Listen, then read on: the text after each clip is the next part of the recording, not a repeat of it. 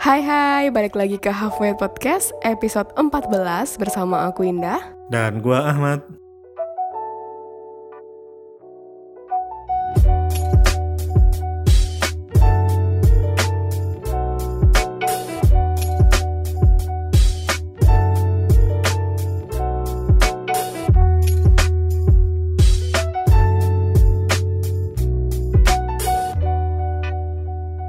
Eh, kak suaranya beda kak. Iya, makin apa? Makin seksi. Iya nih, flu eh. Suaranya jadi serak-serak basah, serak-serak lembab. Udah berapa hari aku flu? Tak- Berapa hari? Dari Senin apa ya? Lupa ya, Senin Selasa, entahlah itulah Ah, Ya sekarang hari bisa sakit ya? Kamis Katanya sakit cuma sekali waktu kemarin tahun baru doang. Itu masuk rumah sakitnya Oh. Kalau sakit, sakit hati pernah Hmm. Sakit Jiwa. pikirannya pernah ya gitulah iya tapi nggak apa-apa lah ya masih masih kedengaran kan suara ini suara indah Ya. kan hanya suaranya berubah Hatinya enggak? hatinya enggak Oke. Oke, Kak. eh, tadi habis tadi habis lu muter lagu puisi Jikustik. iya iya lagunya Jikustik yang puisi gimana gimana emang Jadi keinget sesuatu nih. apa tuh Itu boleh cerita nih. Eh, iya boleh lah Gak apa-apa ya buat basa-basi ya. iya boleh boleh boleh oke Jadi dulu tuh ini cerita ini cerita waktu gue SMP dulu. oh zaman dahulu kala awal-awal masuk SMP. Dulu kan waktu gempa tuh awal-awal masuk SMP tuh. Oh iya. kan? Tahu kan? iya 2006 Ah, 2006. Hmm Itu kan jadi di sekolah gua gedungnya kan rusak sebelah. Jadi kelasnya buat gantian gitu. Kalau pagi buat kelas 1 terus yang kelas 2-nya masuk siang, ya ampun yang sampai sore gitu kan. Nah, ada yang unik tuh di situ. apa tuh gue dapet kejadian lucu nih kalau diinget-inget. Jadi eh dulu tuh waktu awal-awal SMP itu tuh gue tuh sering ini loh. Kan dulu gue sering lihat puisi-puisi di majalah gitu kan. Ah, Terus gue salin, oh terus gue gue catat di buku gitu kan. Terus bukunya tuh gue bawa ke sekolah kadang gitu kan. Nah itu tuh suatu saat tuh nggak sengaja ketinggalan di laci meja gue kan. Ah, Nah tadi kan kelasnya kan buat gantian. Kalau pagi buat kelas 1, kalau yang kelas siangnya buat kelas 2 gitu kan.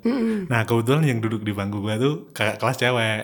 oh Nah terus dia tuh lihat lihat buku gue itu kan. Dikira tuh gue pintar nulis puisi kan.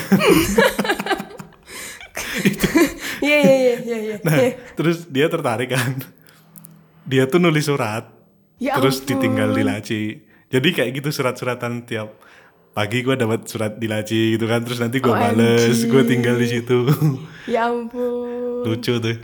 Tapi gini, dia kan ngerti gue karena dia kan berangkatnya siang kan. Kalau pagi udah di sekolah jadi bisa lihat di kelas. Nah kalau gue, gue nggak bisa lihat dia kan. Karena kalau gue pulang mereka baru masuk gitu loh. Ya kamu nungguin lah. Hah? Nungguin lah. Eh, nggak tahu dulu nggak kepikiran kayak gitu. Oh, Oke. Iya iya. ya gitu jalan terus sampai jalan hampir setahun kayaknya sampai dia naik kelas 3 gua naik kelas 2 kan. Hmm. Itu baru gedungnya semuanya jadi. Jadi bisa masuk bareng gitu kan. Nah, mulai gue gua cariin tuh. OMG. Jadi kamu nggak tahu orangnya nggak siapa? tahu selama setahun surat-suratan gitu sampai kayaknya sampai tukeran nomor HP juga deh, bisa sampai SMS-an dulu gitu. Iya belum bisa lihat profil picture-nya ya. Eh, eh, tapi lucu aja sih. Nah, Hmm. yang lucu tuh pernah diajak ketemu gitu kan. Heeh. Tapi cuma nggak ketemuan langsung, cuma pengen gua pengen lihat lu gimana gitu. Dia kan sama teman-temannya. Terus gua lihat tuh ternyata dia nggak seperti yang gua bayangin. gua Eh. terus gua ilfil gitu kan. Astaga. Nah, terus gua tinggalin. Itu, itu juga Emang, konyol. emang. Belum selesai nih ceritanya. Oke, itu juga belum. konyol. heeh. Nah, dan udah habis itu udah nggak ada kontak-kontak lagi kan. Setelah lihat itu. Oh, setelah ketemu itu terus dia ngontak nggak gua bales gitu karena gua kayak ilfil gitu loh. Nah, Parah, ternyata waktu parah. kelas 3 dia mau lulus, itu tuh gua baru ngerti dia yang sebenarnya. Jadi yang tadi ketemu tuh, gua yang gua lihat itu temennya bukan dia. Kapok. Tuh kan. ternyata tuh dia cantik. Menyesal gak kamu? Habis itu eh, udah lulus kan jadi udah nggak pernah ketemu ya udah udah dilupain aja gitu. Nah kemarin belum lama ini kan, gua iseng-iseng tuh tiba-tiba keinget aja kan sama itu kan. Gua, gua cari tuh Instagramnya siapa tahu masih bisa dikontak gitu. Hmm, ternyata dia udah punya suami. udah punya anak. Semua? nah, maknanya apa yang diambil dari situ? Maknanya yang diambil Heeh. apa ya? Ya jangan gitu-gitu amat jadi orang lah. Nih, jangan, jangan, jangan lihat fisik langsung ilfil gitu sih. Mm-mm. Ternyata bukan dia kan? Mm-mm. Ya ampun, kasihan amat. Lucu gak sih ceritanya? Terus kamu berharap ini ya sih? Kamu berharap ketika kamu nyari di Instagram sekarang ini kayak Terus ketemu terus Iya barangkali dia nostalgia gitu kan. jodohku Yang dulu gak sempat jadi Ternyata dia udah punya anak Salam gak sama mbaknya? Ah. Ya tolong sebutin nama Oh jangan. Oh enggak Biar nanti ada yang mention sendiri. Ya tapi ini kejujuran yang inilah Yang perlu mbaknya ketahui bahwa puisi itu adalah puisi dari Dari salinan majalah. majalah Ya Jadi Jadi itu puisi-puisi orang sebenarnya Bukan puisi gua. Ya itu tolong mbak diperhatikan mbak. Jadi mbak jatuh cintanya sama yang nulis puisi. Oh, ya ya. Oke, gitu aja bahasa basinya.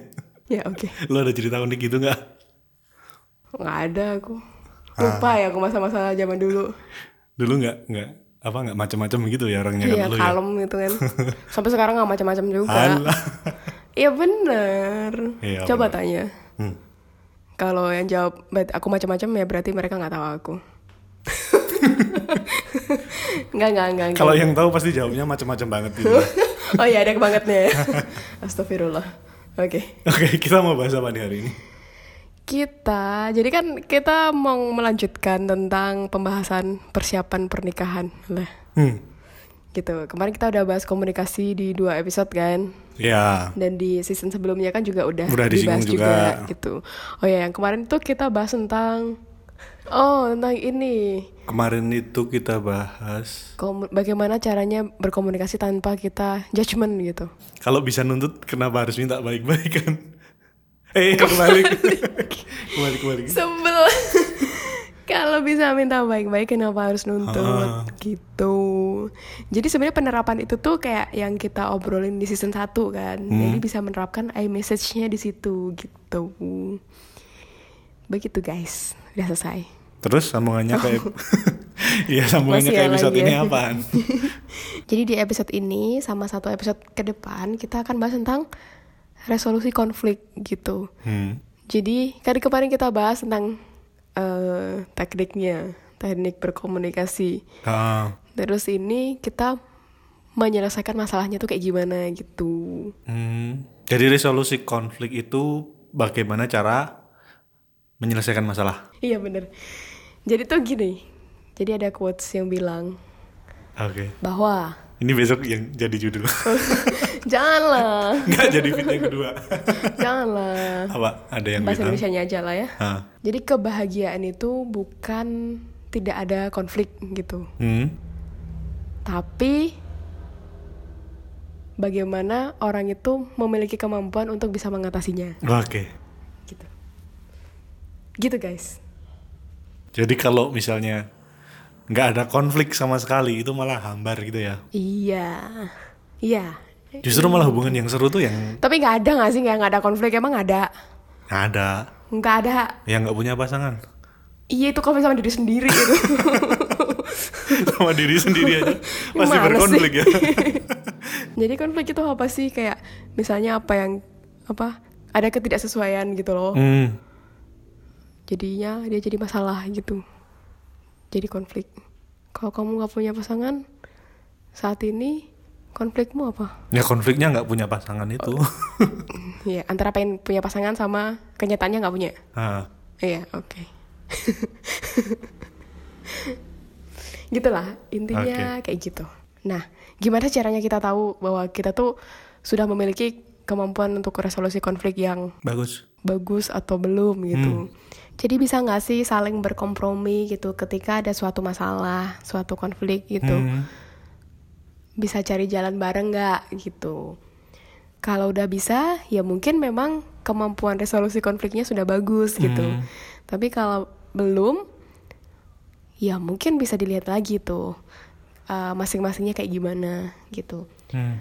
Jadi misalnya kayak ada suatu hal apa suatu hal yang itu tuh bisa memicu masalah dalam hubungan kayak udahlah nggak usah dibahas aja lah gitu. Hmm. kayak ya udahlah nggak usah dibahas lah gitu. Menghindari menghindari itu kan. Nah mungkin ketika uh, kita atau pasangan kita punya kecenderungan kayak gitu itu bisa dilihat lagi. Apakah nanti konfliknya itu selesai atau sebenarnya menghilang aja gitu. Hmm. tapi dia akan balik lagi gitu nah ini aku nih kayak gitu ya aku ada kecenderungan buat avoidant gitu Kenapa tuh? Iya banyak itu panjang Ma- nanti. Males atau gimana motivasi lo menghindari konflik? Itu dulu maksudnya. iya dulu kayak ya nggak mau berkonflik aja gitu kayak. Tapi ternyata itu jadi masalah yang numpuk-numpuk gitu loh. Hmm. Dan pada akhirnya juga Suatu saat pasti meledak. iya makanya sekarang sangat belajar untuk ya dihadapi. Ya kalau emang ada sesuatu yang sulit ya dihadapi gitu, nggak pergi-pergi lagi. Hmm. Kayak lari-lari dari kenyataan gitu. Nggak pergi ke tempat lain. Iya. Misalnya lagi ada masalah nggak shopping Ah. atau nggak jalan-jalan ke mana gitu, tapi diselesain gitu. Hmm. Gitu kan? Terus misalnya juga bisa dicek dari ini. Kayak apakah hal kecil itu bisa memicu hal-hal masalah-masalah gede gitu. Hmm. Kalau hal-hal kecil aja yang se- sebenarnya bisa diselesaikan dengan cara yang sederhana juga, Ah. tapi malah jadi suatu yang gede. Nah itu juga bisa dilihat lagi tuh kemampuan resolusi konflik kita itu sejauh mana gitu. Gitulah, itu caranya ngecek kayak ya kita tuh udah udah cukup cukup memiliki kemampuan belum sih untuk bisa menyelesaikan konflik secara sehat gitu. Hmm. Sehat. Kalau belum nih, Kalau belum, ah, mari kita perhatikan. mari kita belajar bareng-bareng. nah, apa yang harus kita lakukan? Apa yang harus gua lakuin kalau gua belum mempunyai resolusi konflik yang bagus? Ya, yang pertama percaya bahwa masing-masing punya kemampuan untuk belajar. yang bener. Nggak, ya? yang pertama sadar dulu. apa sadar apa? sadar kalau kemampuan resolusi lu, resolusi konflik lu itu belum bagus. ya, yang penting. Aware dulu kan, biasanya kan lu gitu kan. Oh gitu. Ya kalau aku saya ininya termnya positif gitu. Jadi sadar aja kalau kita sebenarnya punya kemampuan untuk belajar gitu. Oke. Oke, jadi gini dulu dah.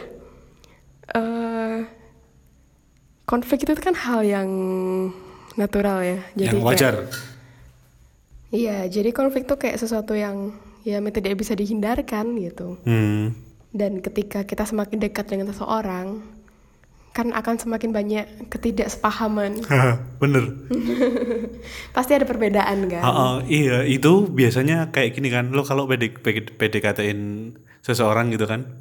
Hmm. Waktu belum kenal-kenal banget pasti wah dia tuh menarik, dia kayak gini, dia kayak gini gitu kan. Wah, luar Tapi- biasa kan cantik. Oh, asik. Mm-mm, banyak fansnya. Tapi begitu kenal udah lama deket, pasti kan tahu nih ternyata banyak yang nggak cocok. Terus apalagi kalau udah jalan bareng terus kan nanti di situ bakal ketemu masalah-masalah, bakal ketemu konflik-konflik yang bakal dihadapi berdua dan beda kan pasti penyelesaiannya gitu kan. Mm-mm.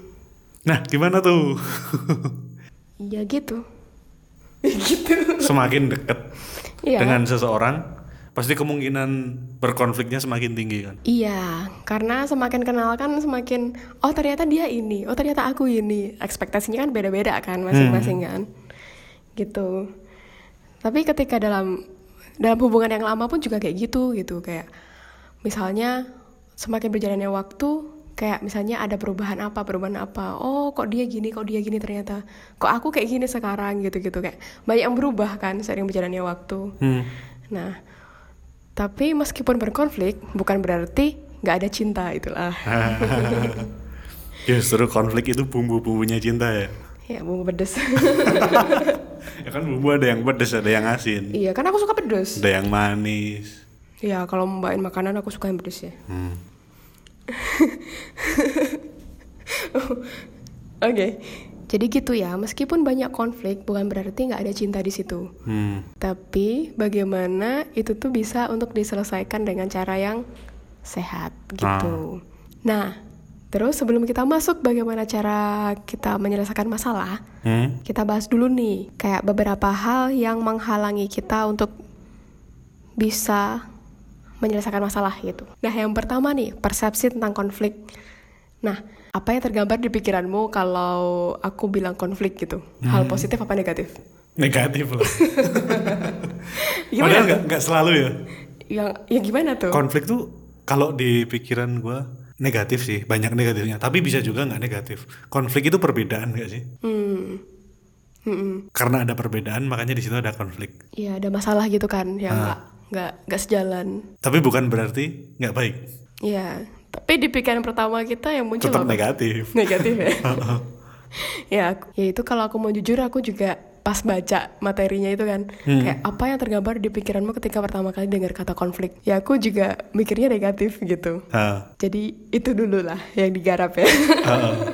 Kalau di relationship ya, tapi kalau di kayak apa ilmu bisnis kayak kayak gitu kan, Hmm. konflik kan sebuah peluang gitu kan Nah, itu harusnya kita terapin tuh. Eh, ke relationship ya. Iya, peluang untuk menaikkan level hubungan. Weh, dengan cara manajemen konflik yang baik gitu. Iya, kalau ngomong luar biasa ya. Kalau ketemu langsung gimana nih? iya. Nah, sebenarnya ketika kita mandang konflik itu sebagai suatu, sesuatu yang negatif, itu tuh juga ada kecenderungan kalau kita tuh uh, avoid untuk membicarakan itu gitu. Hmm. Kecenderungan untuk tidak ingin membicarakan itu gitu. Ya, Iya kan? lebih pengen menghindari kan. Iya, karena ya yang negatif gitu. Hmm. gitu tapi di situ hubungannya yang makin apa ya makin ke arah yang entah ke mana Hmm. gitu jadi yang pertama perbaiki dulu persepsi gitu bahwa kon- Oke. konflik itu bukan sesu- tidak selalu hal yang Negatif. membuat mm-mm, membuat menderita hilangkan label lah ya Labeling dari kemarin kita ngomongnya label ya. Iya, kan kita pengennya no judgment gitu. Ah. Jadi kayak hilangkan dulu label negatif positif gitu-gitu kayak ya konflik ya udah ada Hmm. konflik, ada masalah, ada perbedaan. Oke. Ada peluang. ya, ya sampai di situ terus baru nanti digarap. Oh, berarti ada peluang untuk bisa gini gitu. Hmm. Kalau ngomong emang gampang, guys. Gampang. Maaf ya. Tapi emang kayak gini sebenarnya seharusnya. Ya kita tidak mengharuskan sih. Hmm. Ya Tapi kita belajar kita belajar bersama kan. ini sebaiknya tetap aja jadi gitu jadi konflik itu memang kayak hal yang biasa gitu loh dan tidak harus merusak hubungan gitu itu yang pertama banget Yang kedua.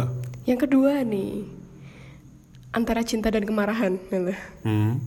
jadi ini gak sih kamu ngerasain juga gak sih misalnya kita tuh bisa sopan bisa sangat lembut ke orang lain ke orang yang misalnya kita cuman ketemu berapa menit Ah. atau berapa hari berapa jam gitu ya Iya. tapi dengan pasangan sendiri atau dengan keluarga sendiri atau dengan sahabat sendiri tuh kadang-kadang tuh lebih banyak ini ya sih lebih banyak lebih banyak apa ya Apa? bedanya gitu apa ya lebih banyak Iya bener. Kayak apa sih kalau sama orang-orang deket semaunya sendiri gitu kan? Eh-eh, tapi ini kita bahasnya pasangan aja lah ya, pasangan Ya, sama iya. orang asing gitu. Hmm. Kadang kita sama pasangan kita lebih mudah marah gak sih? Lebih semena-mena. Nah itu dia. Iya. Wih, gua kira itu gua sendiri yang ngerasain kayak gitu. Awalnya aku juga ngerasa gitu kayak, kok aku kayak gini sih gitu. Padahal aku sama orang lain aja bisa. Iya, ka- kalau sama yang misalnya baru kenal atau nggak terlalu kenal gitu malah sopan, hati-hati gitu kan. Iya, tapi kalau sama pasangan sendiri kayak seenaknya gitu. Soalnya gini sih, kayak udah merasa saling kenal gitu kan. Hmm. Jadi kayak ah gue nggak perlu jelasin, gue nggak perlu jaim kayak gini dia juga juga udah ngerti gitu kan. Mesti di pikiran kita kan gitu kan. Iya, iya, itu bentuk keegoisan kita ya. Padahal kayak gitu nggak baik. Apa? Kayak gitu nggak baik. eh ya kita No labeling. balik lagi ke situ ya gitu jadi memang apa ya jadi memang realitanya ketika uh, hubungan itu semakin dekat itu tuh emang lebih banyak kemungkinan untuk uh, marah itu muncul gitu Hmm. daripada misalnya kita ketemu siapa teman yang biasa-biasa aja gitu Ah. Itu malah jarang untuk muncul gitu Kenapa tuh? Kalau lu kenapa kak? kok aku yang tanyain Ntar lu tanya gue. Gak apa-apa, gue jawab juga.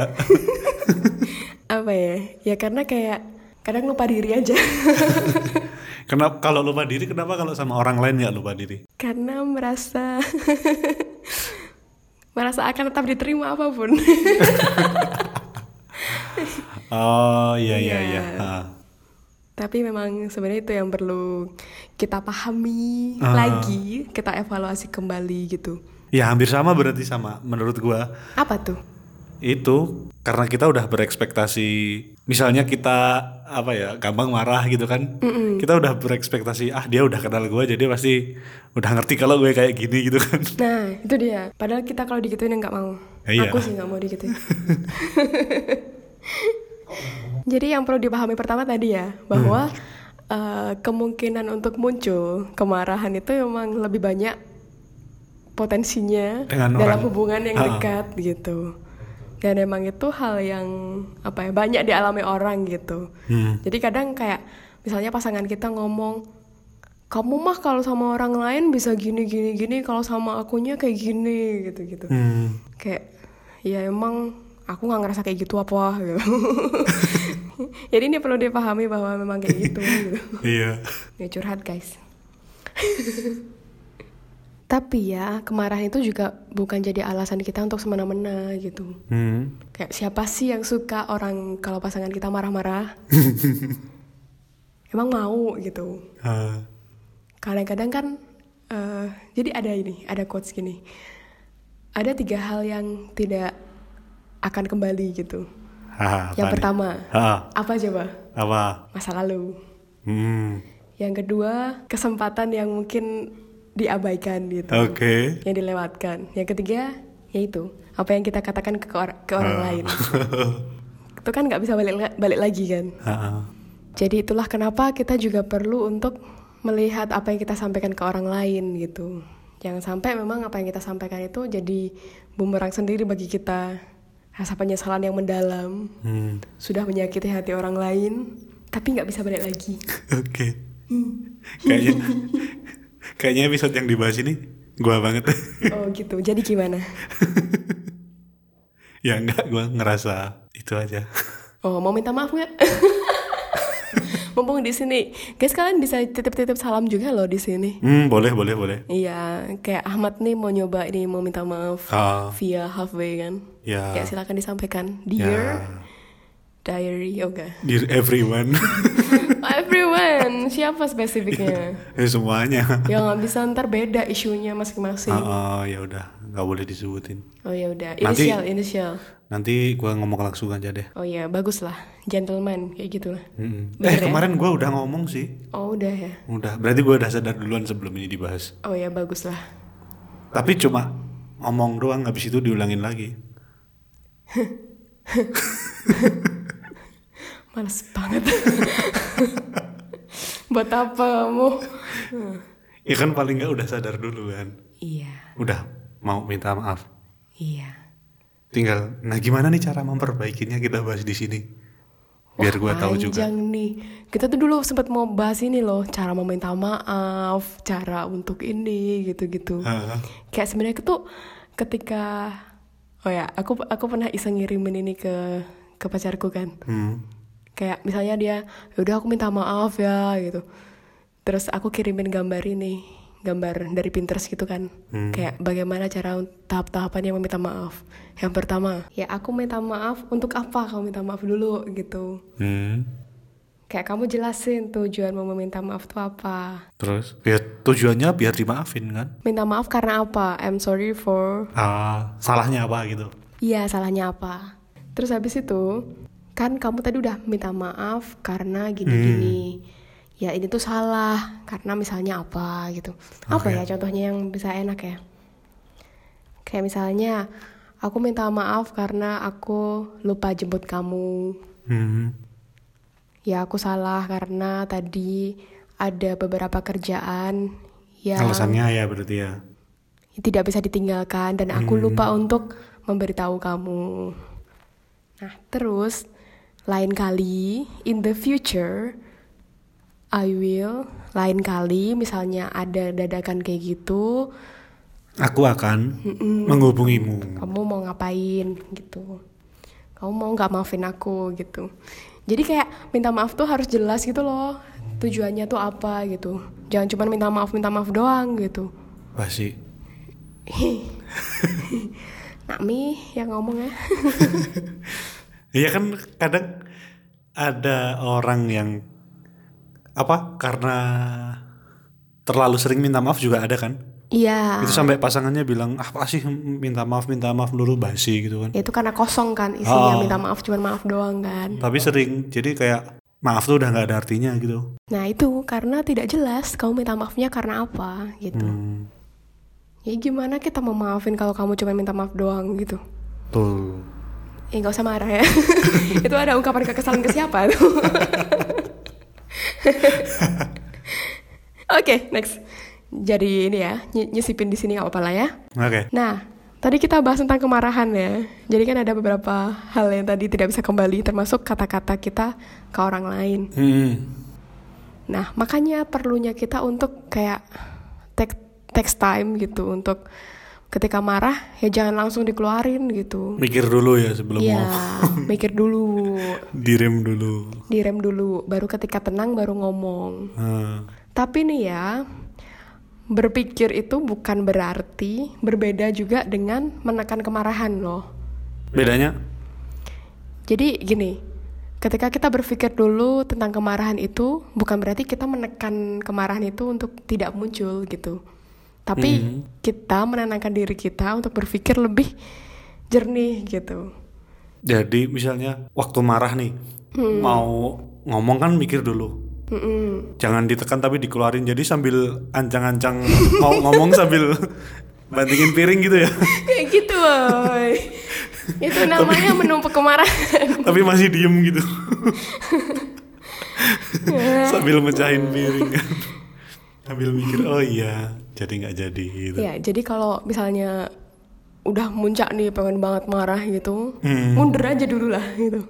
Kalau di agama kita kan ini kan wudhu dulu Heeh. atau duduk gitu. Terus kayak kayak lu sama pacar lu yang lu ceritain kemarin. Apa? Eh bentar-bentar Orang psikologis kalau marah kayak gini Iya, itu kan gara-gara aku aku bilang kan, "Sese, aku butuh waktu, aku butuh waktu." Terus aku tarik nafas itu tuh kayak aku mengatur nafasku untuk untuk tidak Oh, Jadi nggak jadi marah iya, bukan nggak jadi marah jadi gitu. Akhirnya ketawa semua nanti Iya ketawa tapi habis itu tetap Eh. isunya yang isunya yang sesungguhnya tetap diomongin gitu. eh itu caraku belajar untuk menerima eh Oke. untuk menghadapi kenyataan gitu. Karena aku sering-sering lari-lari aku. Ah, tapi sekarang belajar untuk menghadapi. Itu. Jadi intinya ketika kita mau marah ya itu Ancang-ancang dulu orang tuh kalau marah sambil berdiri tuh lebih ini gak sih? Lebih apa? Lebih apa menggebu-gebu. Berarti duduk dulu Jadi misalnya menenangkan diri dengan- dengan cara duduk gitu. Tahu rebahan dulu Tidur jadinya itu. Itu jadinya menekan kemarahan itu. Udah mau marah gini langsung tiba-tiba Kayak di stiker pentol itu loh Yang gini itu loh ya. Oke. ya ya. Biar kamu seneng aja lah ya. Nggak jadi marah nanti Iya, tapi menekan kan. Ah, ah. Nanti jadinya nggak selesai. Suatu saat muncul lagi tuh. Tapi tetap harus diberesin di saat itu juga ya berarti ya Iya nggak juga. eh intinya ada kejelasan gitu. Ini jangan sampai lupa lah. hmm. Kalau emang perlu diberesin diberesin gitu. Kalau butuh segera ya segera. Tapi kalau butuh waktu ya ambil dulu waktunya gitu. Jadi fleksibel aja gitu. Tapi kedua belah pihak harus setuju gitu. Hmm. Jangan sampai tiba-tiba satunya menenangkan diri pergi tanpa pamit. eh itu bikin tambah marah itu. Yang satunya mecahin piring Yang satunya pergi jalan-jalan. Aduh Belanja satunya. Oke ya gitulah ya tadi caranya duduk terus misalnya tarik nafas dulu Minum, minum, minum air air putih. putih Minum teh hangat. air putih ya Jadi lama mikirnya nanti. minum kopi Sambil bikin teh dulu kan. ya gerak-gerakin ini kan sendok kan biar tenang ngitung dari 10 sampai 1 sampai 0 ding Satu sampai seribu. atau 1 sampai 100 lah ya gitu banyak cara untuk kita biar lebih tenang gitu dan itu beneran guys ini kita meskipun kita ngomongnya bercanda tapi tapi itu beneran bisa dicoba Oh. gitu kalau kamu cara yang paling efektif apa ketika Kalau marah, uh-uh, marah terus kamu menenangkan menenangkan diri dulu tuh dengan cara kayak gimana marah apa ya terakhir gue marah tuh kapan ya? Nyanyi paling. itu kamu kalau marah tapi nggak ada orang lain kan kamu marah jengkel itu itu cari lagu-lagu yang apa kan lagu-lagu metal itu loh. kalau dihadapkan dengan orang langsung Kalau gue lebih banyak diem sih. Kalau gue marah biasanya diem sih. hmm, tersampaikan nggak tapi Tersampaikan karena yang gue diemin pasti ngerti kalau gue marah. sambal Bay. Nggak bagus ya gitu ya. Nggak bagus. Iya tergantung kamu selesai nggak dengan cara kayak gitu. ya tapi kan tadi kayak misalnya kamu minta maaf, kemarin kan kejadian udah lama kan yang Ha-ha. tadi. Tapi kamu minta maafnya sekarang gitu-gitu. Jadi ya nggak tahu lah aku, ya gitulah. gitu. Kalau aku caranya tuh aku lebih suka ini sih dengan nafas sih, Hmm. dengan menangkan diri dengan nafas gitu. Kayak tapi bilang kayak saya aku butuh waktu aku bilang gitu Ah. Terus menenangkan diri dulu baru ditata omongannya baru ngomong Oke.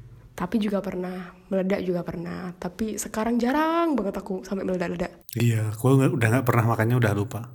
apa Udah nggak pernah marah. siapa Gue oh. kebanyakan ini kebanyakan sendiri. kebanyakan sama komputer jadi biar tidak menekan kemarahan tuh kayak kita identifikasi dulu nih apa sih sebenarnya yang dirasain terus habis itu didiskusikan secara apa ya secara lembut nih Hmm. ya gitu apalah kita ketawa-ketawa Sejak- kepala aku deh jadi masalah itu kan juga nggak akan pergi seiring berjalannya waktu kan Hmm.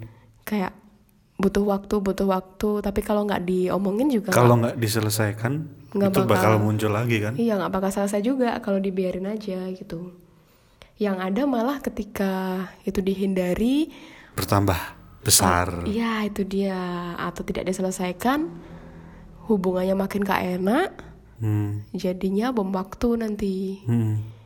kayak misalnya eh, awal-awal tuh kayak harmonis terus ada masalah tapi nggak diomongin ada ini nggak diomongin. Tambahan masalah kedua. ngerasa kayak gini nggak diomongin. Tiba-tiba aja setelah berpuluh-puluh tahun Hmm. pergi gitu-gitu. Itu kan karena ada sesuatu yang tidak selesai. Itu nabung masalah itu namanya. iya menabungnya nabung masalah bukan nabung saham ya guys. Mending nabung saham ya. Nabung amal itu yang bener Apa sih? apa sih nggak jelas banget hari ini dia nggak jelas Ahmad nih nggak jelas hari ini pokoknya aku nggak salah di sini Oke. lihat, lihat bentar lagi gua mundur-mundur nih. jadi kayak semakin cepat kamu tuh apa ya menyelesaikan masalah Hmm. akan semakin mudah juga itu untuk diselesaikan Hmm. kayak misal semakin cepat misalnya kita sakit apa gitu ya semakin cepat kita de- deteksi Diobati. Heeh, deteksi apa yang kita rasain dan kita ngobatinya dari awal itu akan lebih gampang sembuh daripada Didiemin bertahun-tahun. iya tiba-tiba Udah menjalar ke seluruh Nah, tubuh. itu dia Menjalar sampai tetangga. Ya, iya oke kayak ubi jalar Apa sih? Hmm, Lalu? Kalau katanya tuh Hmm. masalah itu almost never go away gitu. With time gitu. Jadi emang hampir nggak akan pernah bisa selesai dengan berjalannya waktu. Hmm. yang ada malah dia tambah buruk aja gitu. Tambah memburuk gitu. Jadi itu perlunya kita untuk punya kemampuan resolusi konflik yang baik agar masalah kita tidak bertambah-tambah-tambah kayak worse gitu. Betul. nah itu beberapa hal yang kita bahas ya tentang eh apa tadi resolusi konflik. Iya, tentang beberapa hal yang menghalangi kita untuk bisa menyelesaikan konflik gitu. Hmm. Oke, jadi besok akan kita tambah lagi Mm-mm. beberapa hal yang tadi belum sempat kita bahas ya. Jadi belum selesai, tadi baru tiga poin. Besok akan kita tambahkan di episode berikutnya dan juga eh, akan kita bahas juga beberapa trik mungkin ya, beberapa cara untuk mengatasi konflik secara baik, secara sehat gitu ya. Iya, bener. Nanti akan seru kayaknya ya di episode mendatang. Hmm. Jadi untuk teman-teman yang mau mengirimkan cerita, ni- nitip salam, atau mau intinya mau muncul di sini, Atau khusus nih kalau ada yang mau cerita konflik apa yang pernah pengalaman mengalami konflik apa gitu bisa dikirimkan di sini akan kita bacakan di episode besok ya. iya, atau nanti kita bukan, eh kita buka, atau nanti kita buka ini question, Question, di oke. Instagram ya. Ha-ha. Tolong dijawab guys. Tolong di follow juga ya. Oke. Oke gitu aja. Gua Ahmad cabut. Dan aku Indah pamit. Bye bye.